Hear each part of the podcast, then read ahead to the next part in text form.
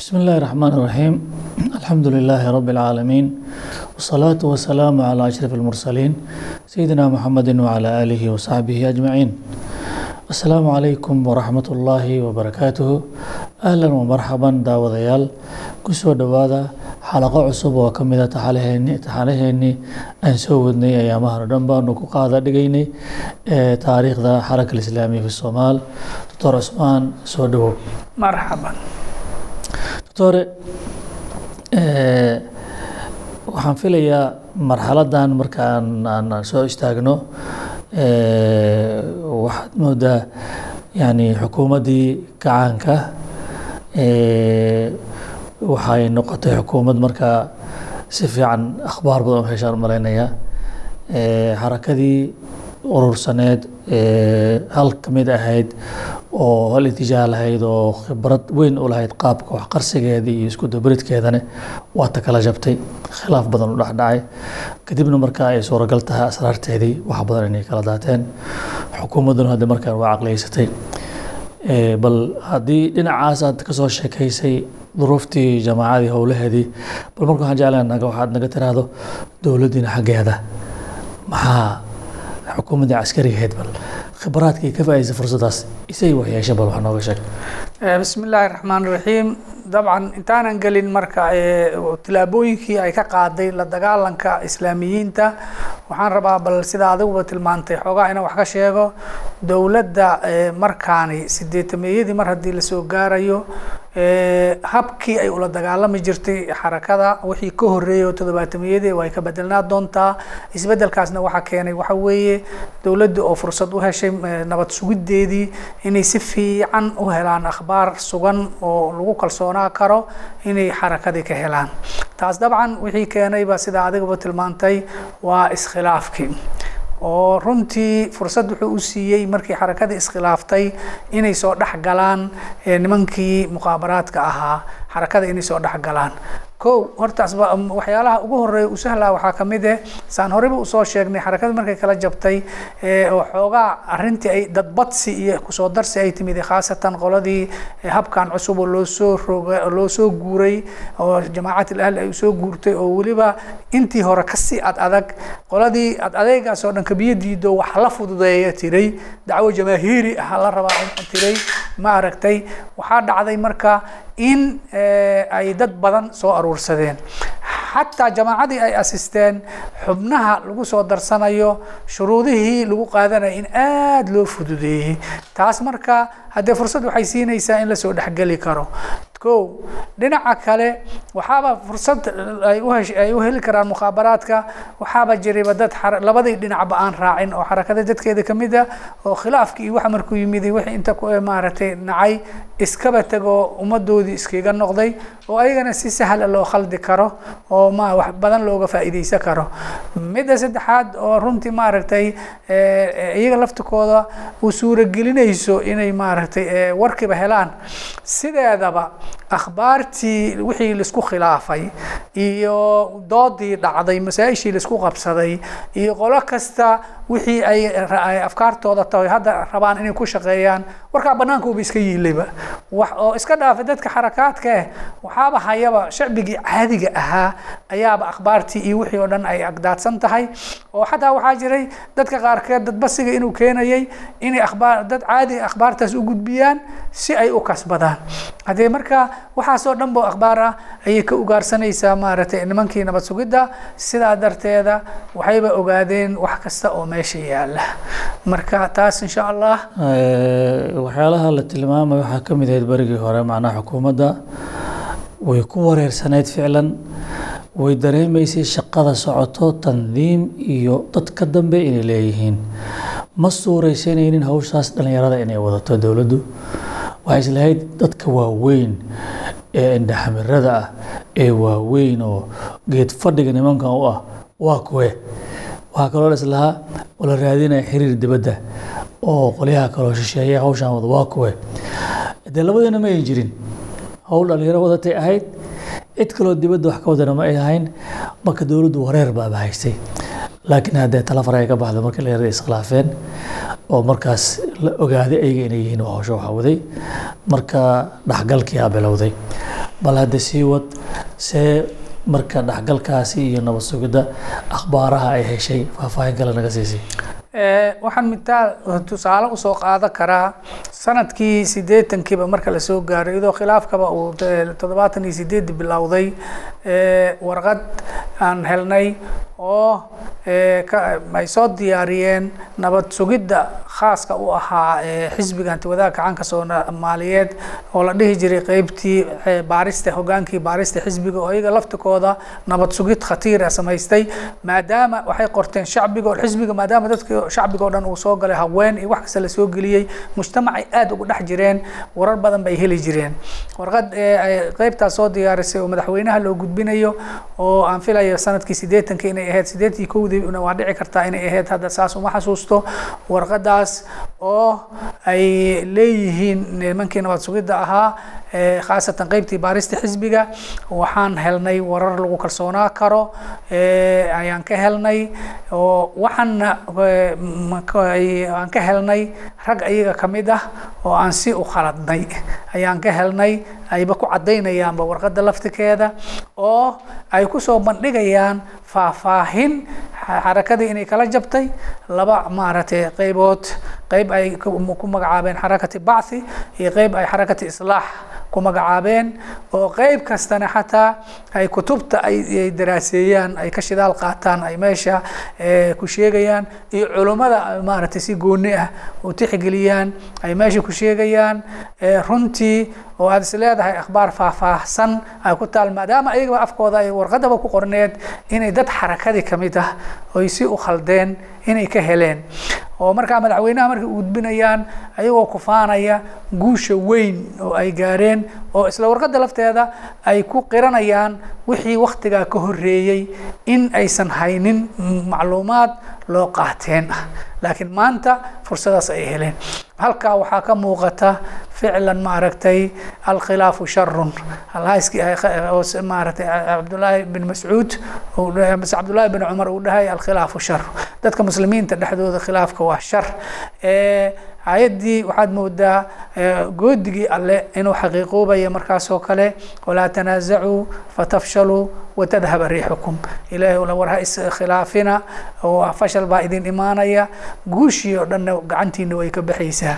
Xaqiiqatan waxaan dareemaynaa taas inay aada u dhacday oo aan isleena dadkii khilaafkaas ahaa allaha ka cafiyo runtii khatar weyn oo ku timiday wixii intaa ka horreeyey jamaacada ahalka way aruursaneed akhbaarteeda o dhan iska dhaaf dibad iyo nabad sugide inta xataa maamulka markaa jamaacada ku jiro yarka xalaqadaa yar maahee inta kale lafteeda shaqada guud oo socota maahee waxa hoose aan ogeyn maantana wixii oo dhan bannaan ka yimaadeen dhibka weyn ayaa dhacay oo runtii maanta wixii ka dambeeya hababka ay dowladda u degi doonto ay kula dagaalamaysa islaamiyiinta waa hab ku dhisan aqoon iyo xog loo qaateena maasha allah waxaan wax yar ku hakanayaa marka xisbiga hanti wadaagga kacaanka soomaaliyeed waa xisbigii ay dowladdii militariga marka dambe ay u wareegtay maamulkiisa inay qabato ku qabato wadanka marka hore waxaa jiri golaha sare kacaanka wadanka xukumayey nidaam siyaasi dhiseen oo hanti wadaaga iyo dhiseen kadib xisbigaasaa la sameeyey nidaamka hanti wadaagana wuxuu qabay wadanka hal xisbi kaliya xukumi dar kara. Xisbiga hanti wadaaga kacaanka soomaaliyeed wuxuu lahaa awoodda ugu sareysa maamulka dalka waxaa jira marka dowladdu sidai ay u ahayd mid aad iyo aad nabad sugideeda ay u kulashahay nabad sugidda oo ciidankii militariga booliiska ahaayo akhbaarta ama mukhaabaraadka caadi u ahaa baa xisbiguna mukhaabaraad kaloo gaar u lahay oo baarista xisbiga loo yaqiinay xataa aan filay qolo kala jira military hangash wallah jiri jiraan filay ayagana macnaha ma waa badnaayeen hangashka lix ma ahayn majmuucad badan waxaa jiray oo sirdoonka ah marka militariga ama dowladdaasi marka dambe shuuci u soo bedeshay dowlad argagixisa inay ahaydo oo luuq kasta inay ogaato rabtay aad bay runtii u muuqataa hadde maxay samaysaa awel waa wareersaneed khilaafka wuxuu keenay marka inay heshay raadraac raadraac inay hesho keenta marka ayib raadraacaasi markay hesho asraartii u ka shafantay nabad sugiduna ay heleen wax badan ay wax ku ilaashadaan. Bardu waxaa is leeyahay sidoo kale dee xiriirna waa la sameeyeen dowladihii caalamka oo khibradda xaragiga lahaana way la sameeyeen sida masar oo kale way ka faa'iidaysteen. Marka ayuu khibradaasi guda akhbaartay ka heleen khibradana ka faa'iidaysteen. Maxay tallaabo ay qaadeen marka? Tillaabooyinka ay qaadeen waqtigaas hadda aan ka taariikheyneyna sanadahaas aad buu u badnaa. Waxaa ka mid ahaa muddo markii la joogaba waxaa hadba la maqli jiray islaamiyiintii oo lagu soo dhex dhacay oo in badan oo ka mid ah xabsiyada loo taxaabay. Oo xataa markaan waxaa la keenay xabsiyada dadkii la geeyay in maxkamada xataa la keeno oo maaragtay la xukumo oo qaarkood xataa dil lagu xukumay qaarkoodna sanado badan lagu xukumay. Waagii horeysan cilmiga lahayn oo kooxdaynii hore la xirayay maxkamadii wax nala geymane lahayaal un baan ahayn. Annagoo hal su'aal aan nala weydiinin sidii loo geeyey muddo laba sano iyo bar ka badan. Markaan ku jirnayn iskadakaan soo day laakiin hadda wax nagul soo oga lama hayn. Hadda laakiin waxyaalo badan baa soo baxay. Qaaraaba xataa dil lagu xukumay meeshii taas waa qeybta xirxiridda iyo maxkamadaha iyo wixii ah. Laakiin la dagaalanka dhinaca kale ugu weyn wuxuu ka socday waxaa aad ay dowladda u sii xoojisay ka sifayntii dadka islaamiyiinta goobaha waxbarashada. Oo jaamacaadka dadadkii laga soo ceyrinayay iyo iskuulaadka dadkii laga ceyrinayay ayaa aad iyo aada u batay. Oo marka taasi waa mida ugu dhaawac weyn oo haddee iyadoo ay badneed hadba ayaan marka la joogaba jaamacad ama kuliyad ka mid aho waxbaa laga ceyriyey la leeyahay aan maqli jirnay.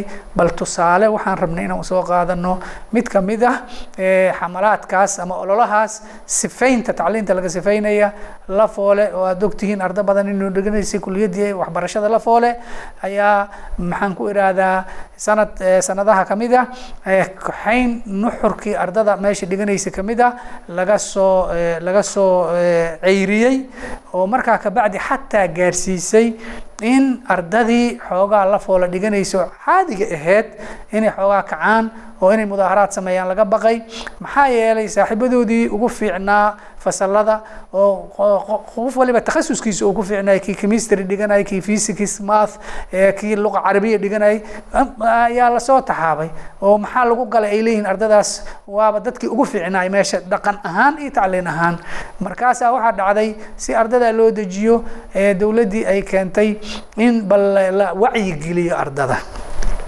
Aniga waxaan ka qayb galay muxaadaro markii ardada kooxdaas oo kooxdii ugu badneed ahaa meesha maaragtay laga soo ceyriyey dowladdana ay dareyntay dhaqdhaqaaq ardadii ardada tii lagu dejinayay markaan maqlay inay muxaadaradaa jirto waa tegay waa ka qayb galay howlkii weynaayo la foolaa laiskugu keenay ardadii oo dhan saddex nin oo xagga dowladda ka socoto oo ardada inay wacyigeliyaan looga talagalaa meeshii nooga yimiday waxaa hogaaminayay wasiirkii hidaha iyo tacliinta sare waqtigaas ashkar ashkar bootaan ayaa hogaaminayay iyo nabad sugidda ninkii qeybtan banaadir u qaabsano cirdii la dhahayay iyo ninkii la dhahay jango-an aan filaya maxamed axmed magaciisa inuu ahaa oo xisbiga baarista xisbigii aan sheegaynay joogi jiray. Markii dambena wasiiru dowlaha arrimaha gudaha noqon doono aan filaya haddana guddiga maaragtay nabadeynta inuu madax ka yahay ayaa maaragtay saddexaas nin baa meeshii timiday iyagoo ardadii raba inay dejiyaan oy wacyigeliyaan waxaan jeclaa lahaa haddii aad ii saamaxdo ustaad yuusuf saddexdaba kalimaadkii taariikhiga ahaa oo meesha ay ka jeediyeen oo si fiican u xasuusto runtii inaan mid waliba kelimad ka iraahdo midda aad aan u danaynaana waa midda ninka jaango-an ah uu dhihi doono oo arrinta meesha ka dhacday toos u khusaysa aad baan u soo dhaweynaya sore maxaa yeelay aad waxaad ugu soo dhaweynaya qoladii maagaas la ciiri baad ahayd. Kooxdii isirsifaynta ahayd oo laga soo saaraad ahayd aad ka mid ahayd adiga waa garanayaa haddee ilaahay mahadiisa waxaan rabaa inaan dadka u sii sheego qofkii ilaahay dartiisa wax loo yeelo ilaahay wuxuu siiyaa bedel khayr leh.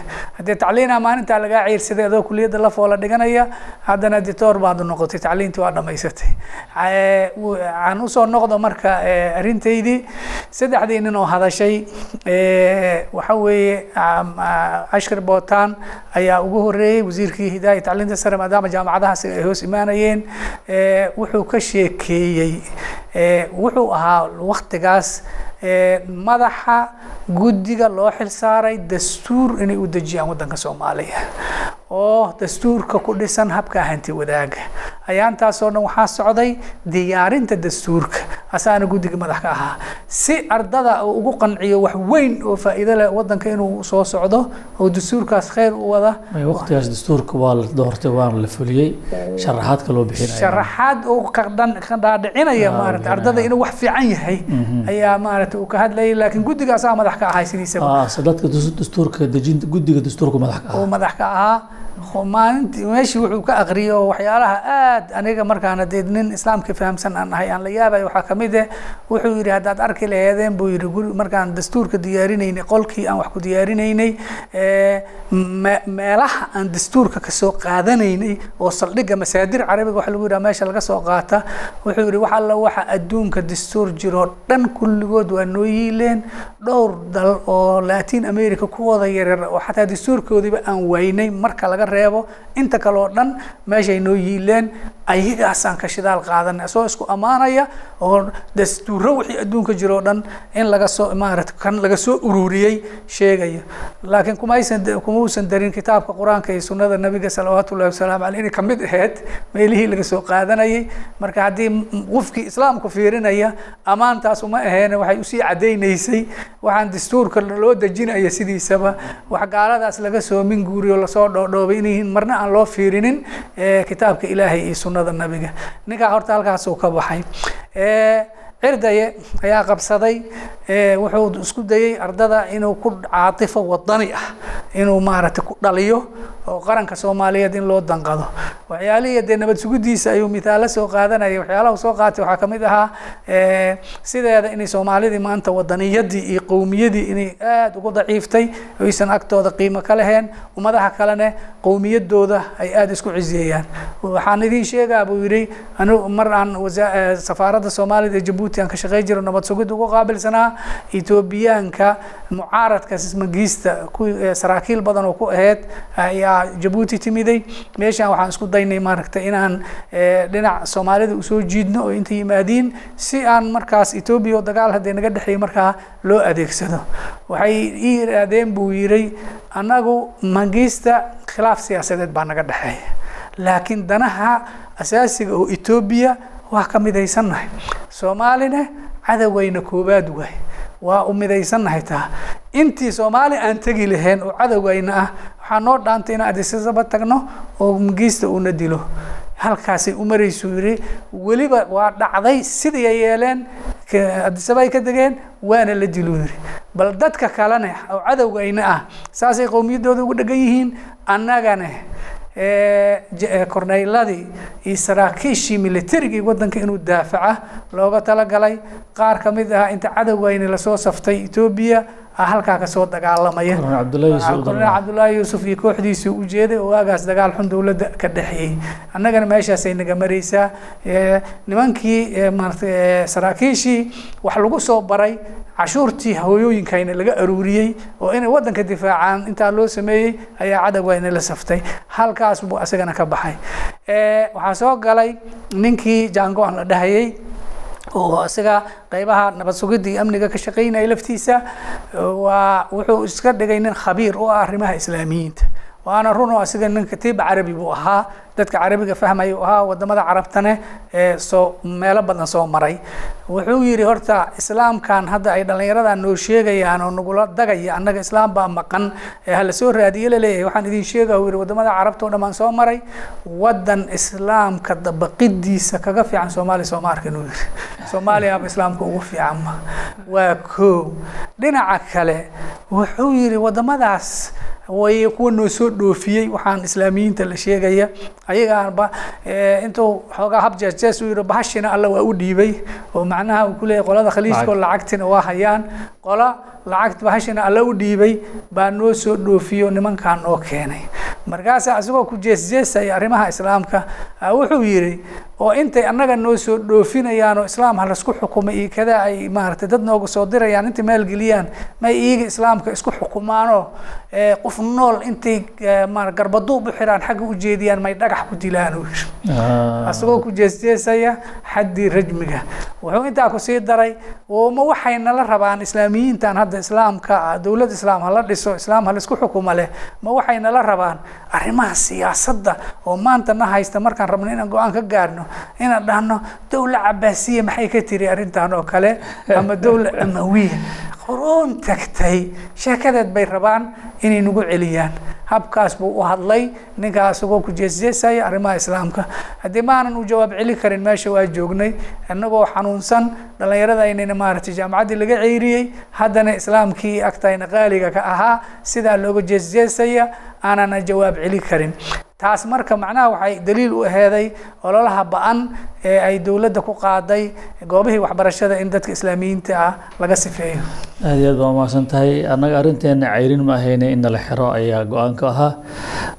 Qaar ka midana waa la xiray. Aniga raga ka mid ahayna waa baxsanay marka baxsadaan waddan gudihiisa ku ahayn in muddo ah oo aan ahayn dad la baadagoobayo laakiin akhiiran ilaahay waana nabad yeelay Eh, aad u mahadsan tahay waa taariikh iska dhib badan.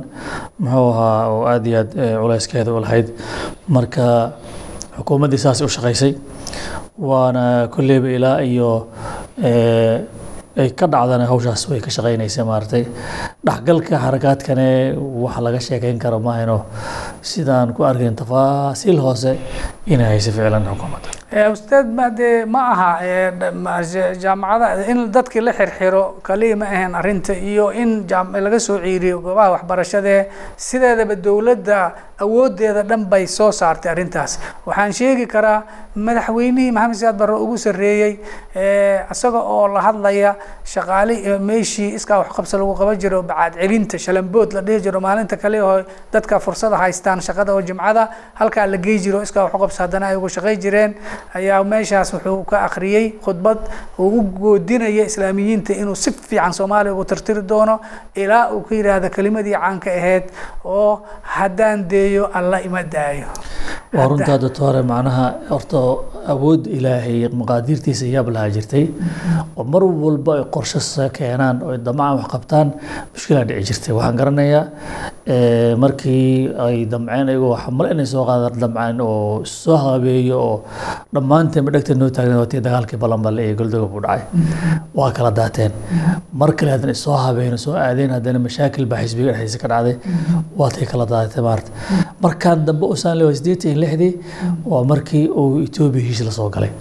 Mushkiladii xuduud ay ka xalisatay oo igad jabuuti lagu soo dhisay oo etoobiya uu soo xaliyey maxaabiistii la isdhaafsaday il markaan layla u gacan bannaan tahay uu siri dabixii ka dhawaa loogaa maxaa dhacay waxaa dhacay markaas oo cadowgii kale oo wixii gaalo ahay lala heshiiyo cadowga kale oo loo soo maaragtay tafaxiiti ay tahay islaamiyiinta gacan banaanaaday. loo gacan banaanaaday ay tahay islaamiyiinta halkaasuu ka khudbo akhriyey uu yidhi haddaan deeyo alla ima daayo kelimadaas waxayna xasuusinaysaa dagaalkii maaragtay maxaan ku idhaahdaa eh, uxud kii gaalka ahaa ayuu yidhi laa najowtu in najaa maanta hadduu maxamed badbaado alla- ima badbaadiyo sidii oo kale uu yidhi haddee iyadoo la sugayo bal tillaabooyinka markaan dhaartii madaxweynaha ka dhaweyntiisa waxaa dhacday maalin jimco ah isagoo maaragtay dalxiis si qarsoodi ugu aaday maaragtay eh, afgooyo xasan abshirna kali baabuurka uu labadooda kali ay yihiin shil baabuur jidka afgooyo iyo xamar u dhexeeya inuu ku galay koomo uuna galay aada u jajabo sacuudiga loo qaaday bil ka badan kooma maara ku jiro waaba tegay si loo lahay inkastoo markii dambe uu soo noolaaday. Taasaa ku dhacday maxaan ku idhaahdaa saas marka sideedaba markii arrintaa dhacday wixii ka dambeeyey xoogaa way fududaatay islaamiyiinta dabagalkooda. Waxa fududaynayna waxaa ka mid ahaa in maaragtay eh, dowladda lafteeda markaa dacfi xoog lahaa soo galay mm-hmm. jabhadihii baa soo xoogeystay ka soo horjeeday dowladdii baa kala daadatay. Xoogaa mm-hmm. waxaa la dhihi karaa wixii waktigaa ka dambeeyey. Mm-hmm. Hoosay eh, u degtay dagaalkii ay dowladda ku haayeen islaamiyiinta. Ficlan shilkaas uu ku dhacay eh, way way fahamtay dowladda inay tahay ilaah inuu ka argoosanayo ficlan oo muxuu ahay ilaahay ciqaabi maxaa yeelay xaaskiisii iyo dadkii qaraabadiisa u dhowaa dhan baa waxay yidhaahdeen markii shilku ku dhacay maxaa u geeya wadaadada muxuu ka doonay ilaa waxaa la xasuustaa toddobaatii shantiina markii uu oo Tobankii culamo laayay. la laayayna waa tii diyaarada isku dhaceen xamar oo waddanka dhanba khalkhal uu galay ay ka dhaceen marka way dareemeen naftooda maarata macnaha inay xamaladiiba markii joogsatay oo kadibna maxkamadeyntii bilaabatayna xataa dilkay ku xukumeen ma ayn fulinin. Cabsidaas naftooda waa gashay. Waqad makara ladiina min qablihim faata allahu bunyaanahum min alqawaacidi faqaraca calayhim sakfu min fowqihim waataahum alcadaabu min xaytu laa yashcuruun. Inaan xusuusna kale ma garanaaye wataan cabsanay oo argagaxnay oo aada walwalnas lahayn ninkan maanta ma idin dayn doono.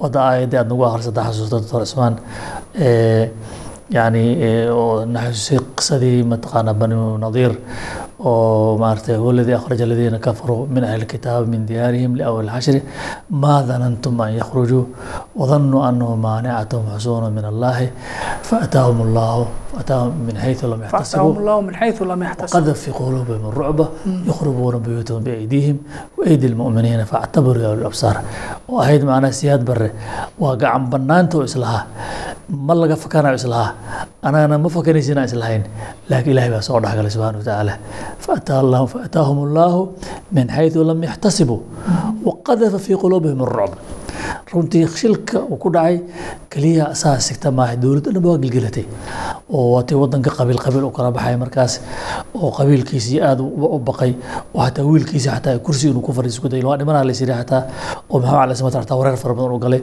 baarlamaanka qas u galay yacni rucbi baa ilaahay ku tuuray subxana wa waa ilaahay mahadi subxaana caza wajal intaana waa garanay waqtigaas marka.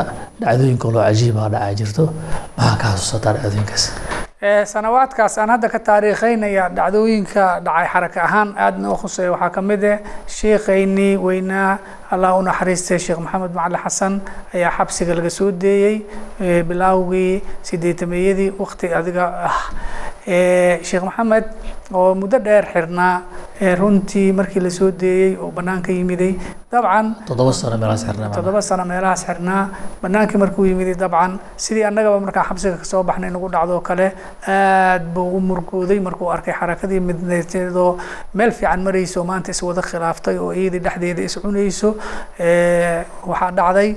Markiiba dabcan wixii xarakaadkii jiray waqtigaas. Qolo kasta waa u timiday sheekha waxoodina waa u soo bandhigteen Ee, runtii annaga dabcan maadaama sheekha cilaaqa fiican naga dhexaysay waa u tagnay. Dabcan maadaama wixii uu maqlay uuna weydiiyey waxaana u sharaxnay runtii khadka aan tabaninay iyo saxidda xarakada jawaanibtii aan ka saxnay iyo wixii aan u cogsannay iyo wixii keenay. Intaasoo dhan baan si fiican ugu sharaxnay. Sheekha dabcan waqtigaas aad iyo aad wuxuu ugu fikirkiisa dhan uu ujeeday sidii dib looga miday lahay xarakaadka oo dhan. Diyaarna uma ahayn hadda inuu maaragtay qadaayaad qaarkood inuu go'aan hadda degdega ka gaaro.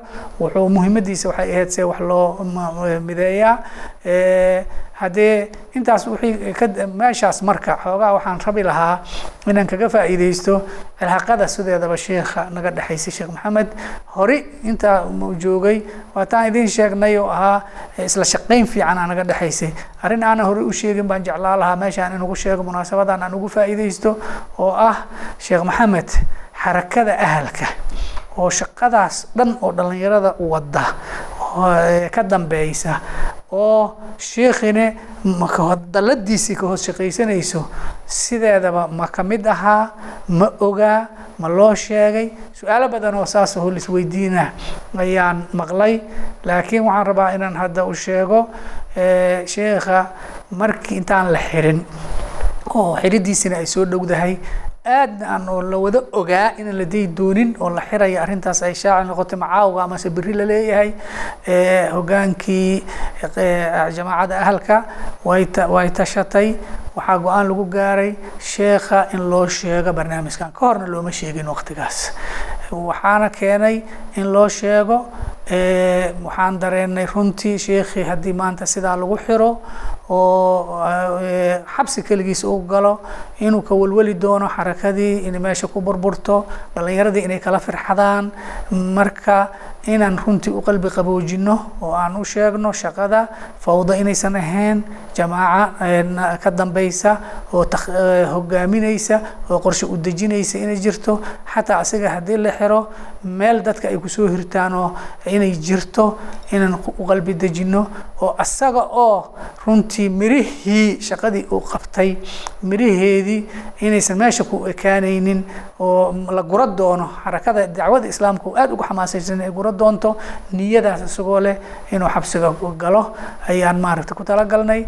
Habeen habeenada ka mid a tafsiirka sheekha markuu ka baxay aniga iyo walaalkeyni weynaa sheekh cabdiqaadir sheekh maxamuud baa israacnay sheekha ayaan maaragtay baarkii kataanka la dhihi jiro taalada xaawataaka gadaashiisa ku yiilay baan wada fariisanay waxaan u sheegnay jamaacada ahalka siday u dhisan tahay howlaheedoo dhan ayaan si fiican ugu sheekaynay annagoo ulajeedadayna ay ahayd sheekhiina maaragta haddii la xiro wuxuu niyada ku adkaysta u sheega marka sheekh maxamed maadaama marka intaas baa inaga dhexaysay dabcan hadda marka soo baxay odayaashayni baa u tagnay waxa weeye saasaan ula sheekaysanay intii ka dambaysayne xilaaqa fiican baa naga dhexaysay hadba waa soo siyaaro jirnay muddo markaan joogno waa u tegi jirnay. Wixii saaxada arrimaha islaam islaamka saaxada yaalla ayaan si toosa ugu wada hadli jirnay. Mararkaas aan u tegayno arrimaha meesha saaxada islaamka yaalla aan ka wada hadli jirnay. Waxyaalaha ugu weynaayo aad ugu murgi jiray oo asagoo kacabana aan arki jirnay. Waxaa ka mid ahayd xarakaadka qaarkeed qeyba ka mid ah a xarakadii kala gogo'day inay aada eh, eh, ku eh, weerar sumcad dilist ah aada inay ugu hayaan. Isagoo markaas sheegaya tayaarka salafiga ah. ah. Dabcan waa yani arrimahaas waan soo garan ku weydiin lahaaba maaratay soo dhaweynta iyo wadahadalka. Isaguna habka mas'uulnimada odaynimada uu isticmaalo is yiri mm. wiilashaan waa wada wiilashaadi qolaha la safanin mm. isku day inaa wax isu keeni karto shucuurkaasaa ahaa laakiin sheekhi dhib kale la kulmaan maqalnay ama aan dareensanayn oo dhalinyaradii xaggooda ka gaaray. Waaba isku dayeyba oo qolo badan badan buu shiriyey qolooyin xataa heshiis marar la wada galay uu nooga sheekeeyey oo markii dambena heshiiska laga baxay isagoo ka xun oo xataa ma maaragtay isagoo dhahaya marar qaarkeed heshiiska waxaa fiicneed inaan dhaariyo markii maaragtay naga la dhaar wax tari maysa qofka wixii maaragtay celiya ayaa celi kara. Adiga aada wuxuu uga cabanayay dhinaca qaar ka mid a salafiyiinta oo tayaarka salafiga oo runtii uu yiri waxay igu hayaan dicaayad badan oo ay leeyihiin maaragtay ashcariyu alcaqiida suufiyu dhuuq muqallid fi fi lfiqh ma garatay? Saas ay leeyihiin. Oo xataa waagaas caan ay noqotay nin ka mid ah dhalinyaradaas odayaasheeda weliba ka mid ah uu yihi sheekh maxamed ummiyun fi lcaqiida ummiyun fi lcaqiida oo tayaarka salafiga odayaasha hogaaminaha ka mid ahaa marka xoogaa marka dhibkaas isagoo ka sheekeynaya baan arki jirnay. Wixii kaloo maaragtay xarakada saaxada ka jirana waa ka wada sheekaysan jirnay. Saasay aheeday arrintii sheekh maxamed. Meesha macnaha waxa weeye dhalinyaradaas itijaaha salafiga waxay ka yimid jaamacadihii sacuudiga khaasatan jaamacad alislaamiya ee madiina almunawara sheekhun azar wax ka soo bartay. Marka dowqoodii ayay ku xukumeen oo ay markaa aada runtii nin dhan oo caalim ah oo ummadda dhanba diinta u horseeday oo qur'aanka akhrin jiray sax u badan in la yidhaahdo ummi oo caqiidada ka yahay. Runtii wax dhaawac weyn ahayd. Intaana ka bixintii sheekh maxamed ficlan waxaa dhacday markii la soo dayey muddo yar kabacdi wixii uun dowladda laga daba laabtaba tafsiirkii uu dib u bilaabay. Masaajidkiisii maqaamka sheekh cabdiqaadir buuna ka bilaabay. Dowladda markaas dabcan waa iska ogoleed waxaase dhacday markuu tafsiirka bilaabay in masaajidkii la soo buuxiyey xataa jidadkii masaajidka soo galay inay xirmaan laga baqay dowladdii way xamili weysay.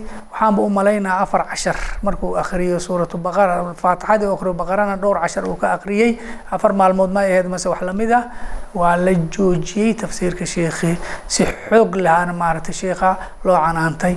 Waxaa xusid mudan siduu nooga sheekeeyey isaga laftikiisa. Waxaa u yeeray baliiska ninkii howlgalka baliiska markaa u qaabilsanaya generaal momin la dhihi jiray oo howlgalka baliiska xaruntii xaruntiisana ay ahayd hotel jubba. Qeybta ka soo horjeeda oo boliiska uu leeyahay markii doctor generaal momin uu u yeeray oo sheekha u tagay sheekhaas uu yiri jooji darsiga wuxuu yiri haddii maxaan haleeyey waxa aan ku joojinaya oo aan halaynay waa maxay.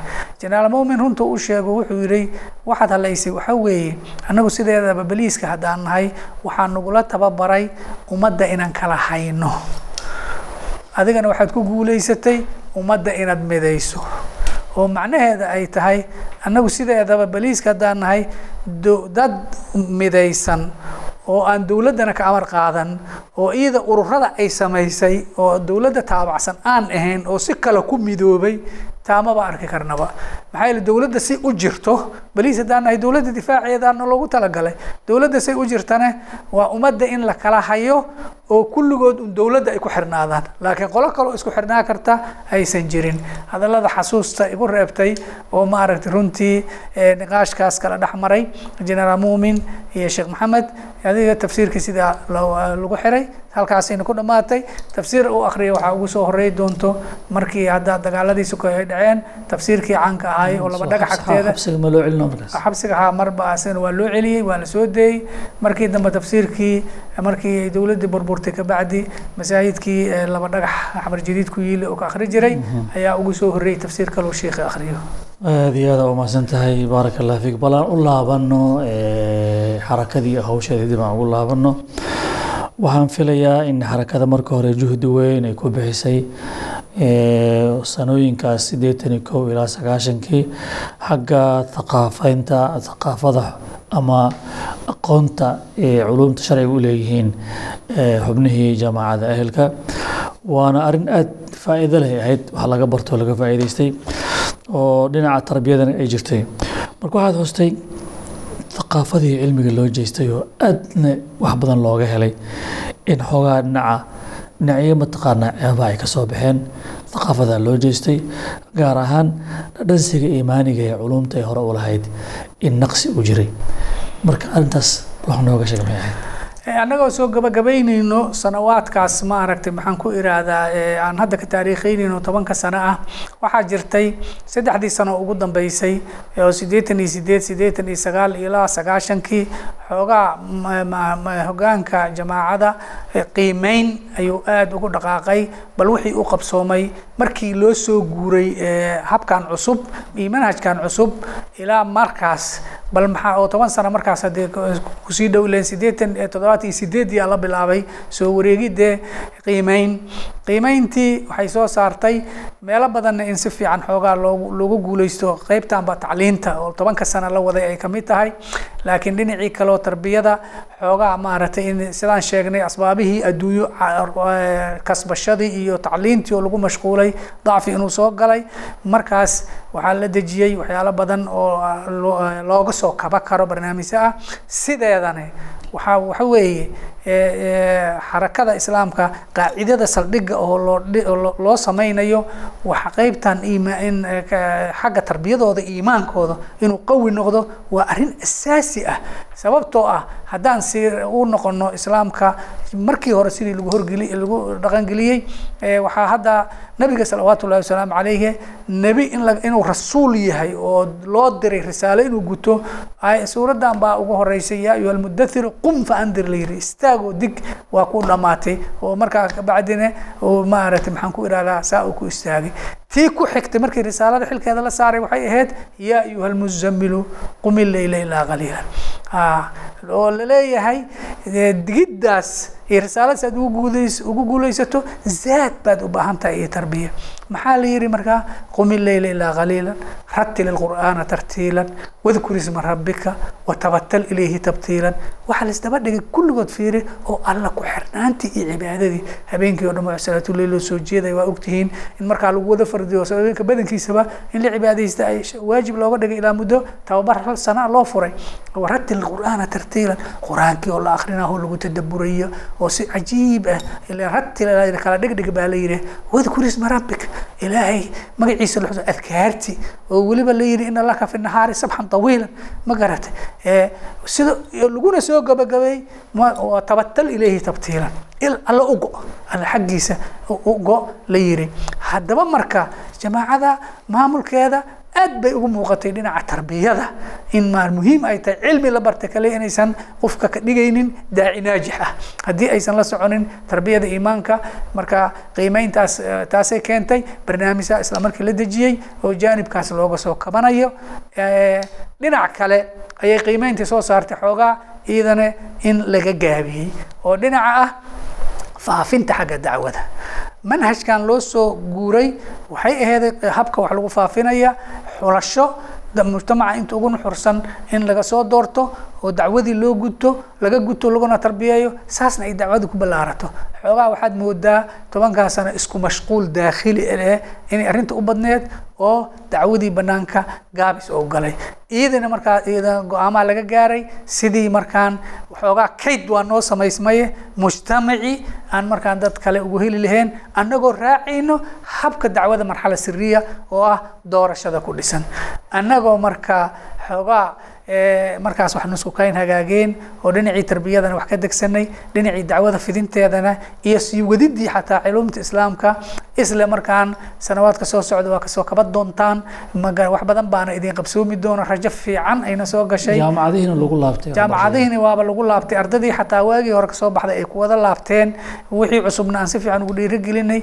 Reerreyntaas anagoo ku jirna ayaa waxaa naga hoos dilaacay dagaaladii sokeeye dowladdiina burburtay jabhada kulligood waxay reebeen aan la aragnina soo galeen fasal kala ka bilaabana markaas. hagaag waa hagaag doctor aad baa u mahadsan tahay.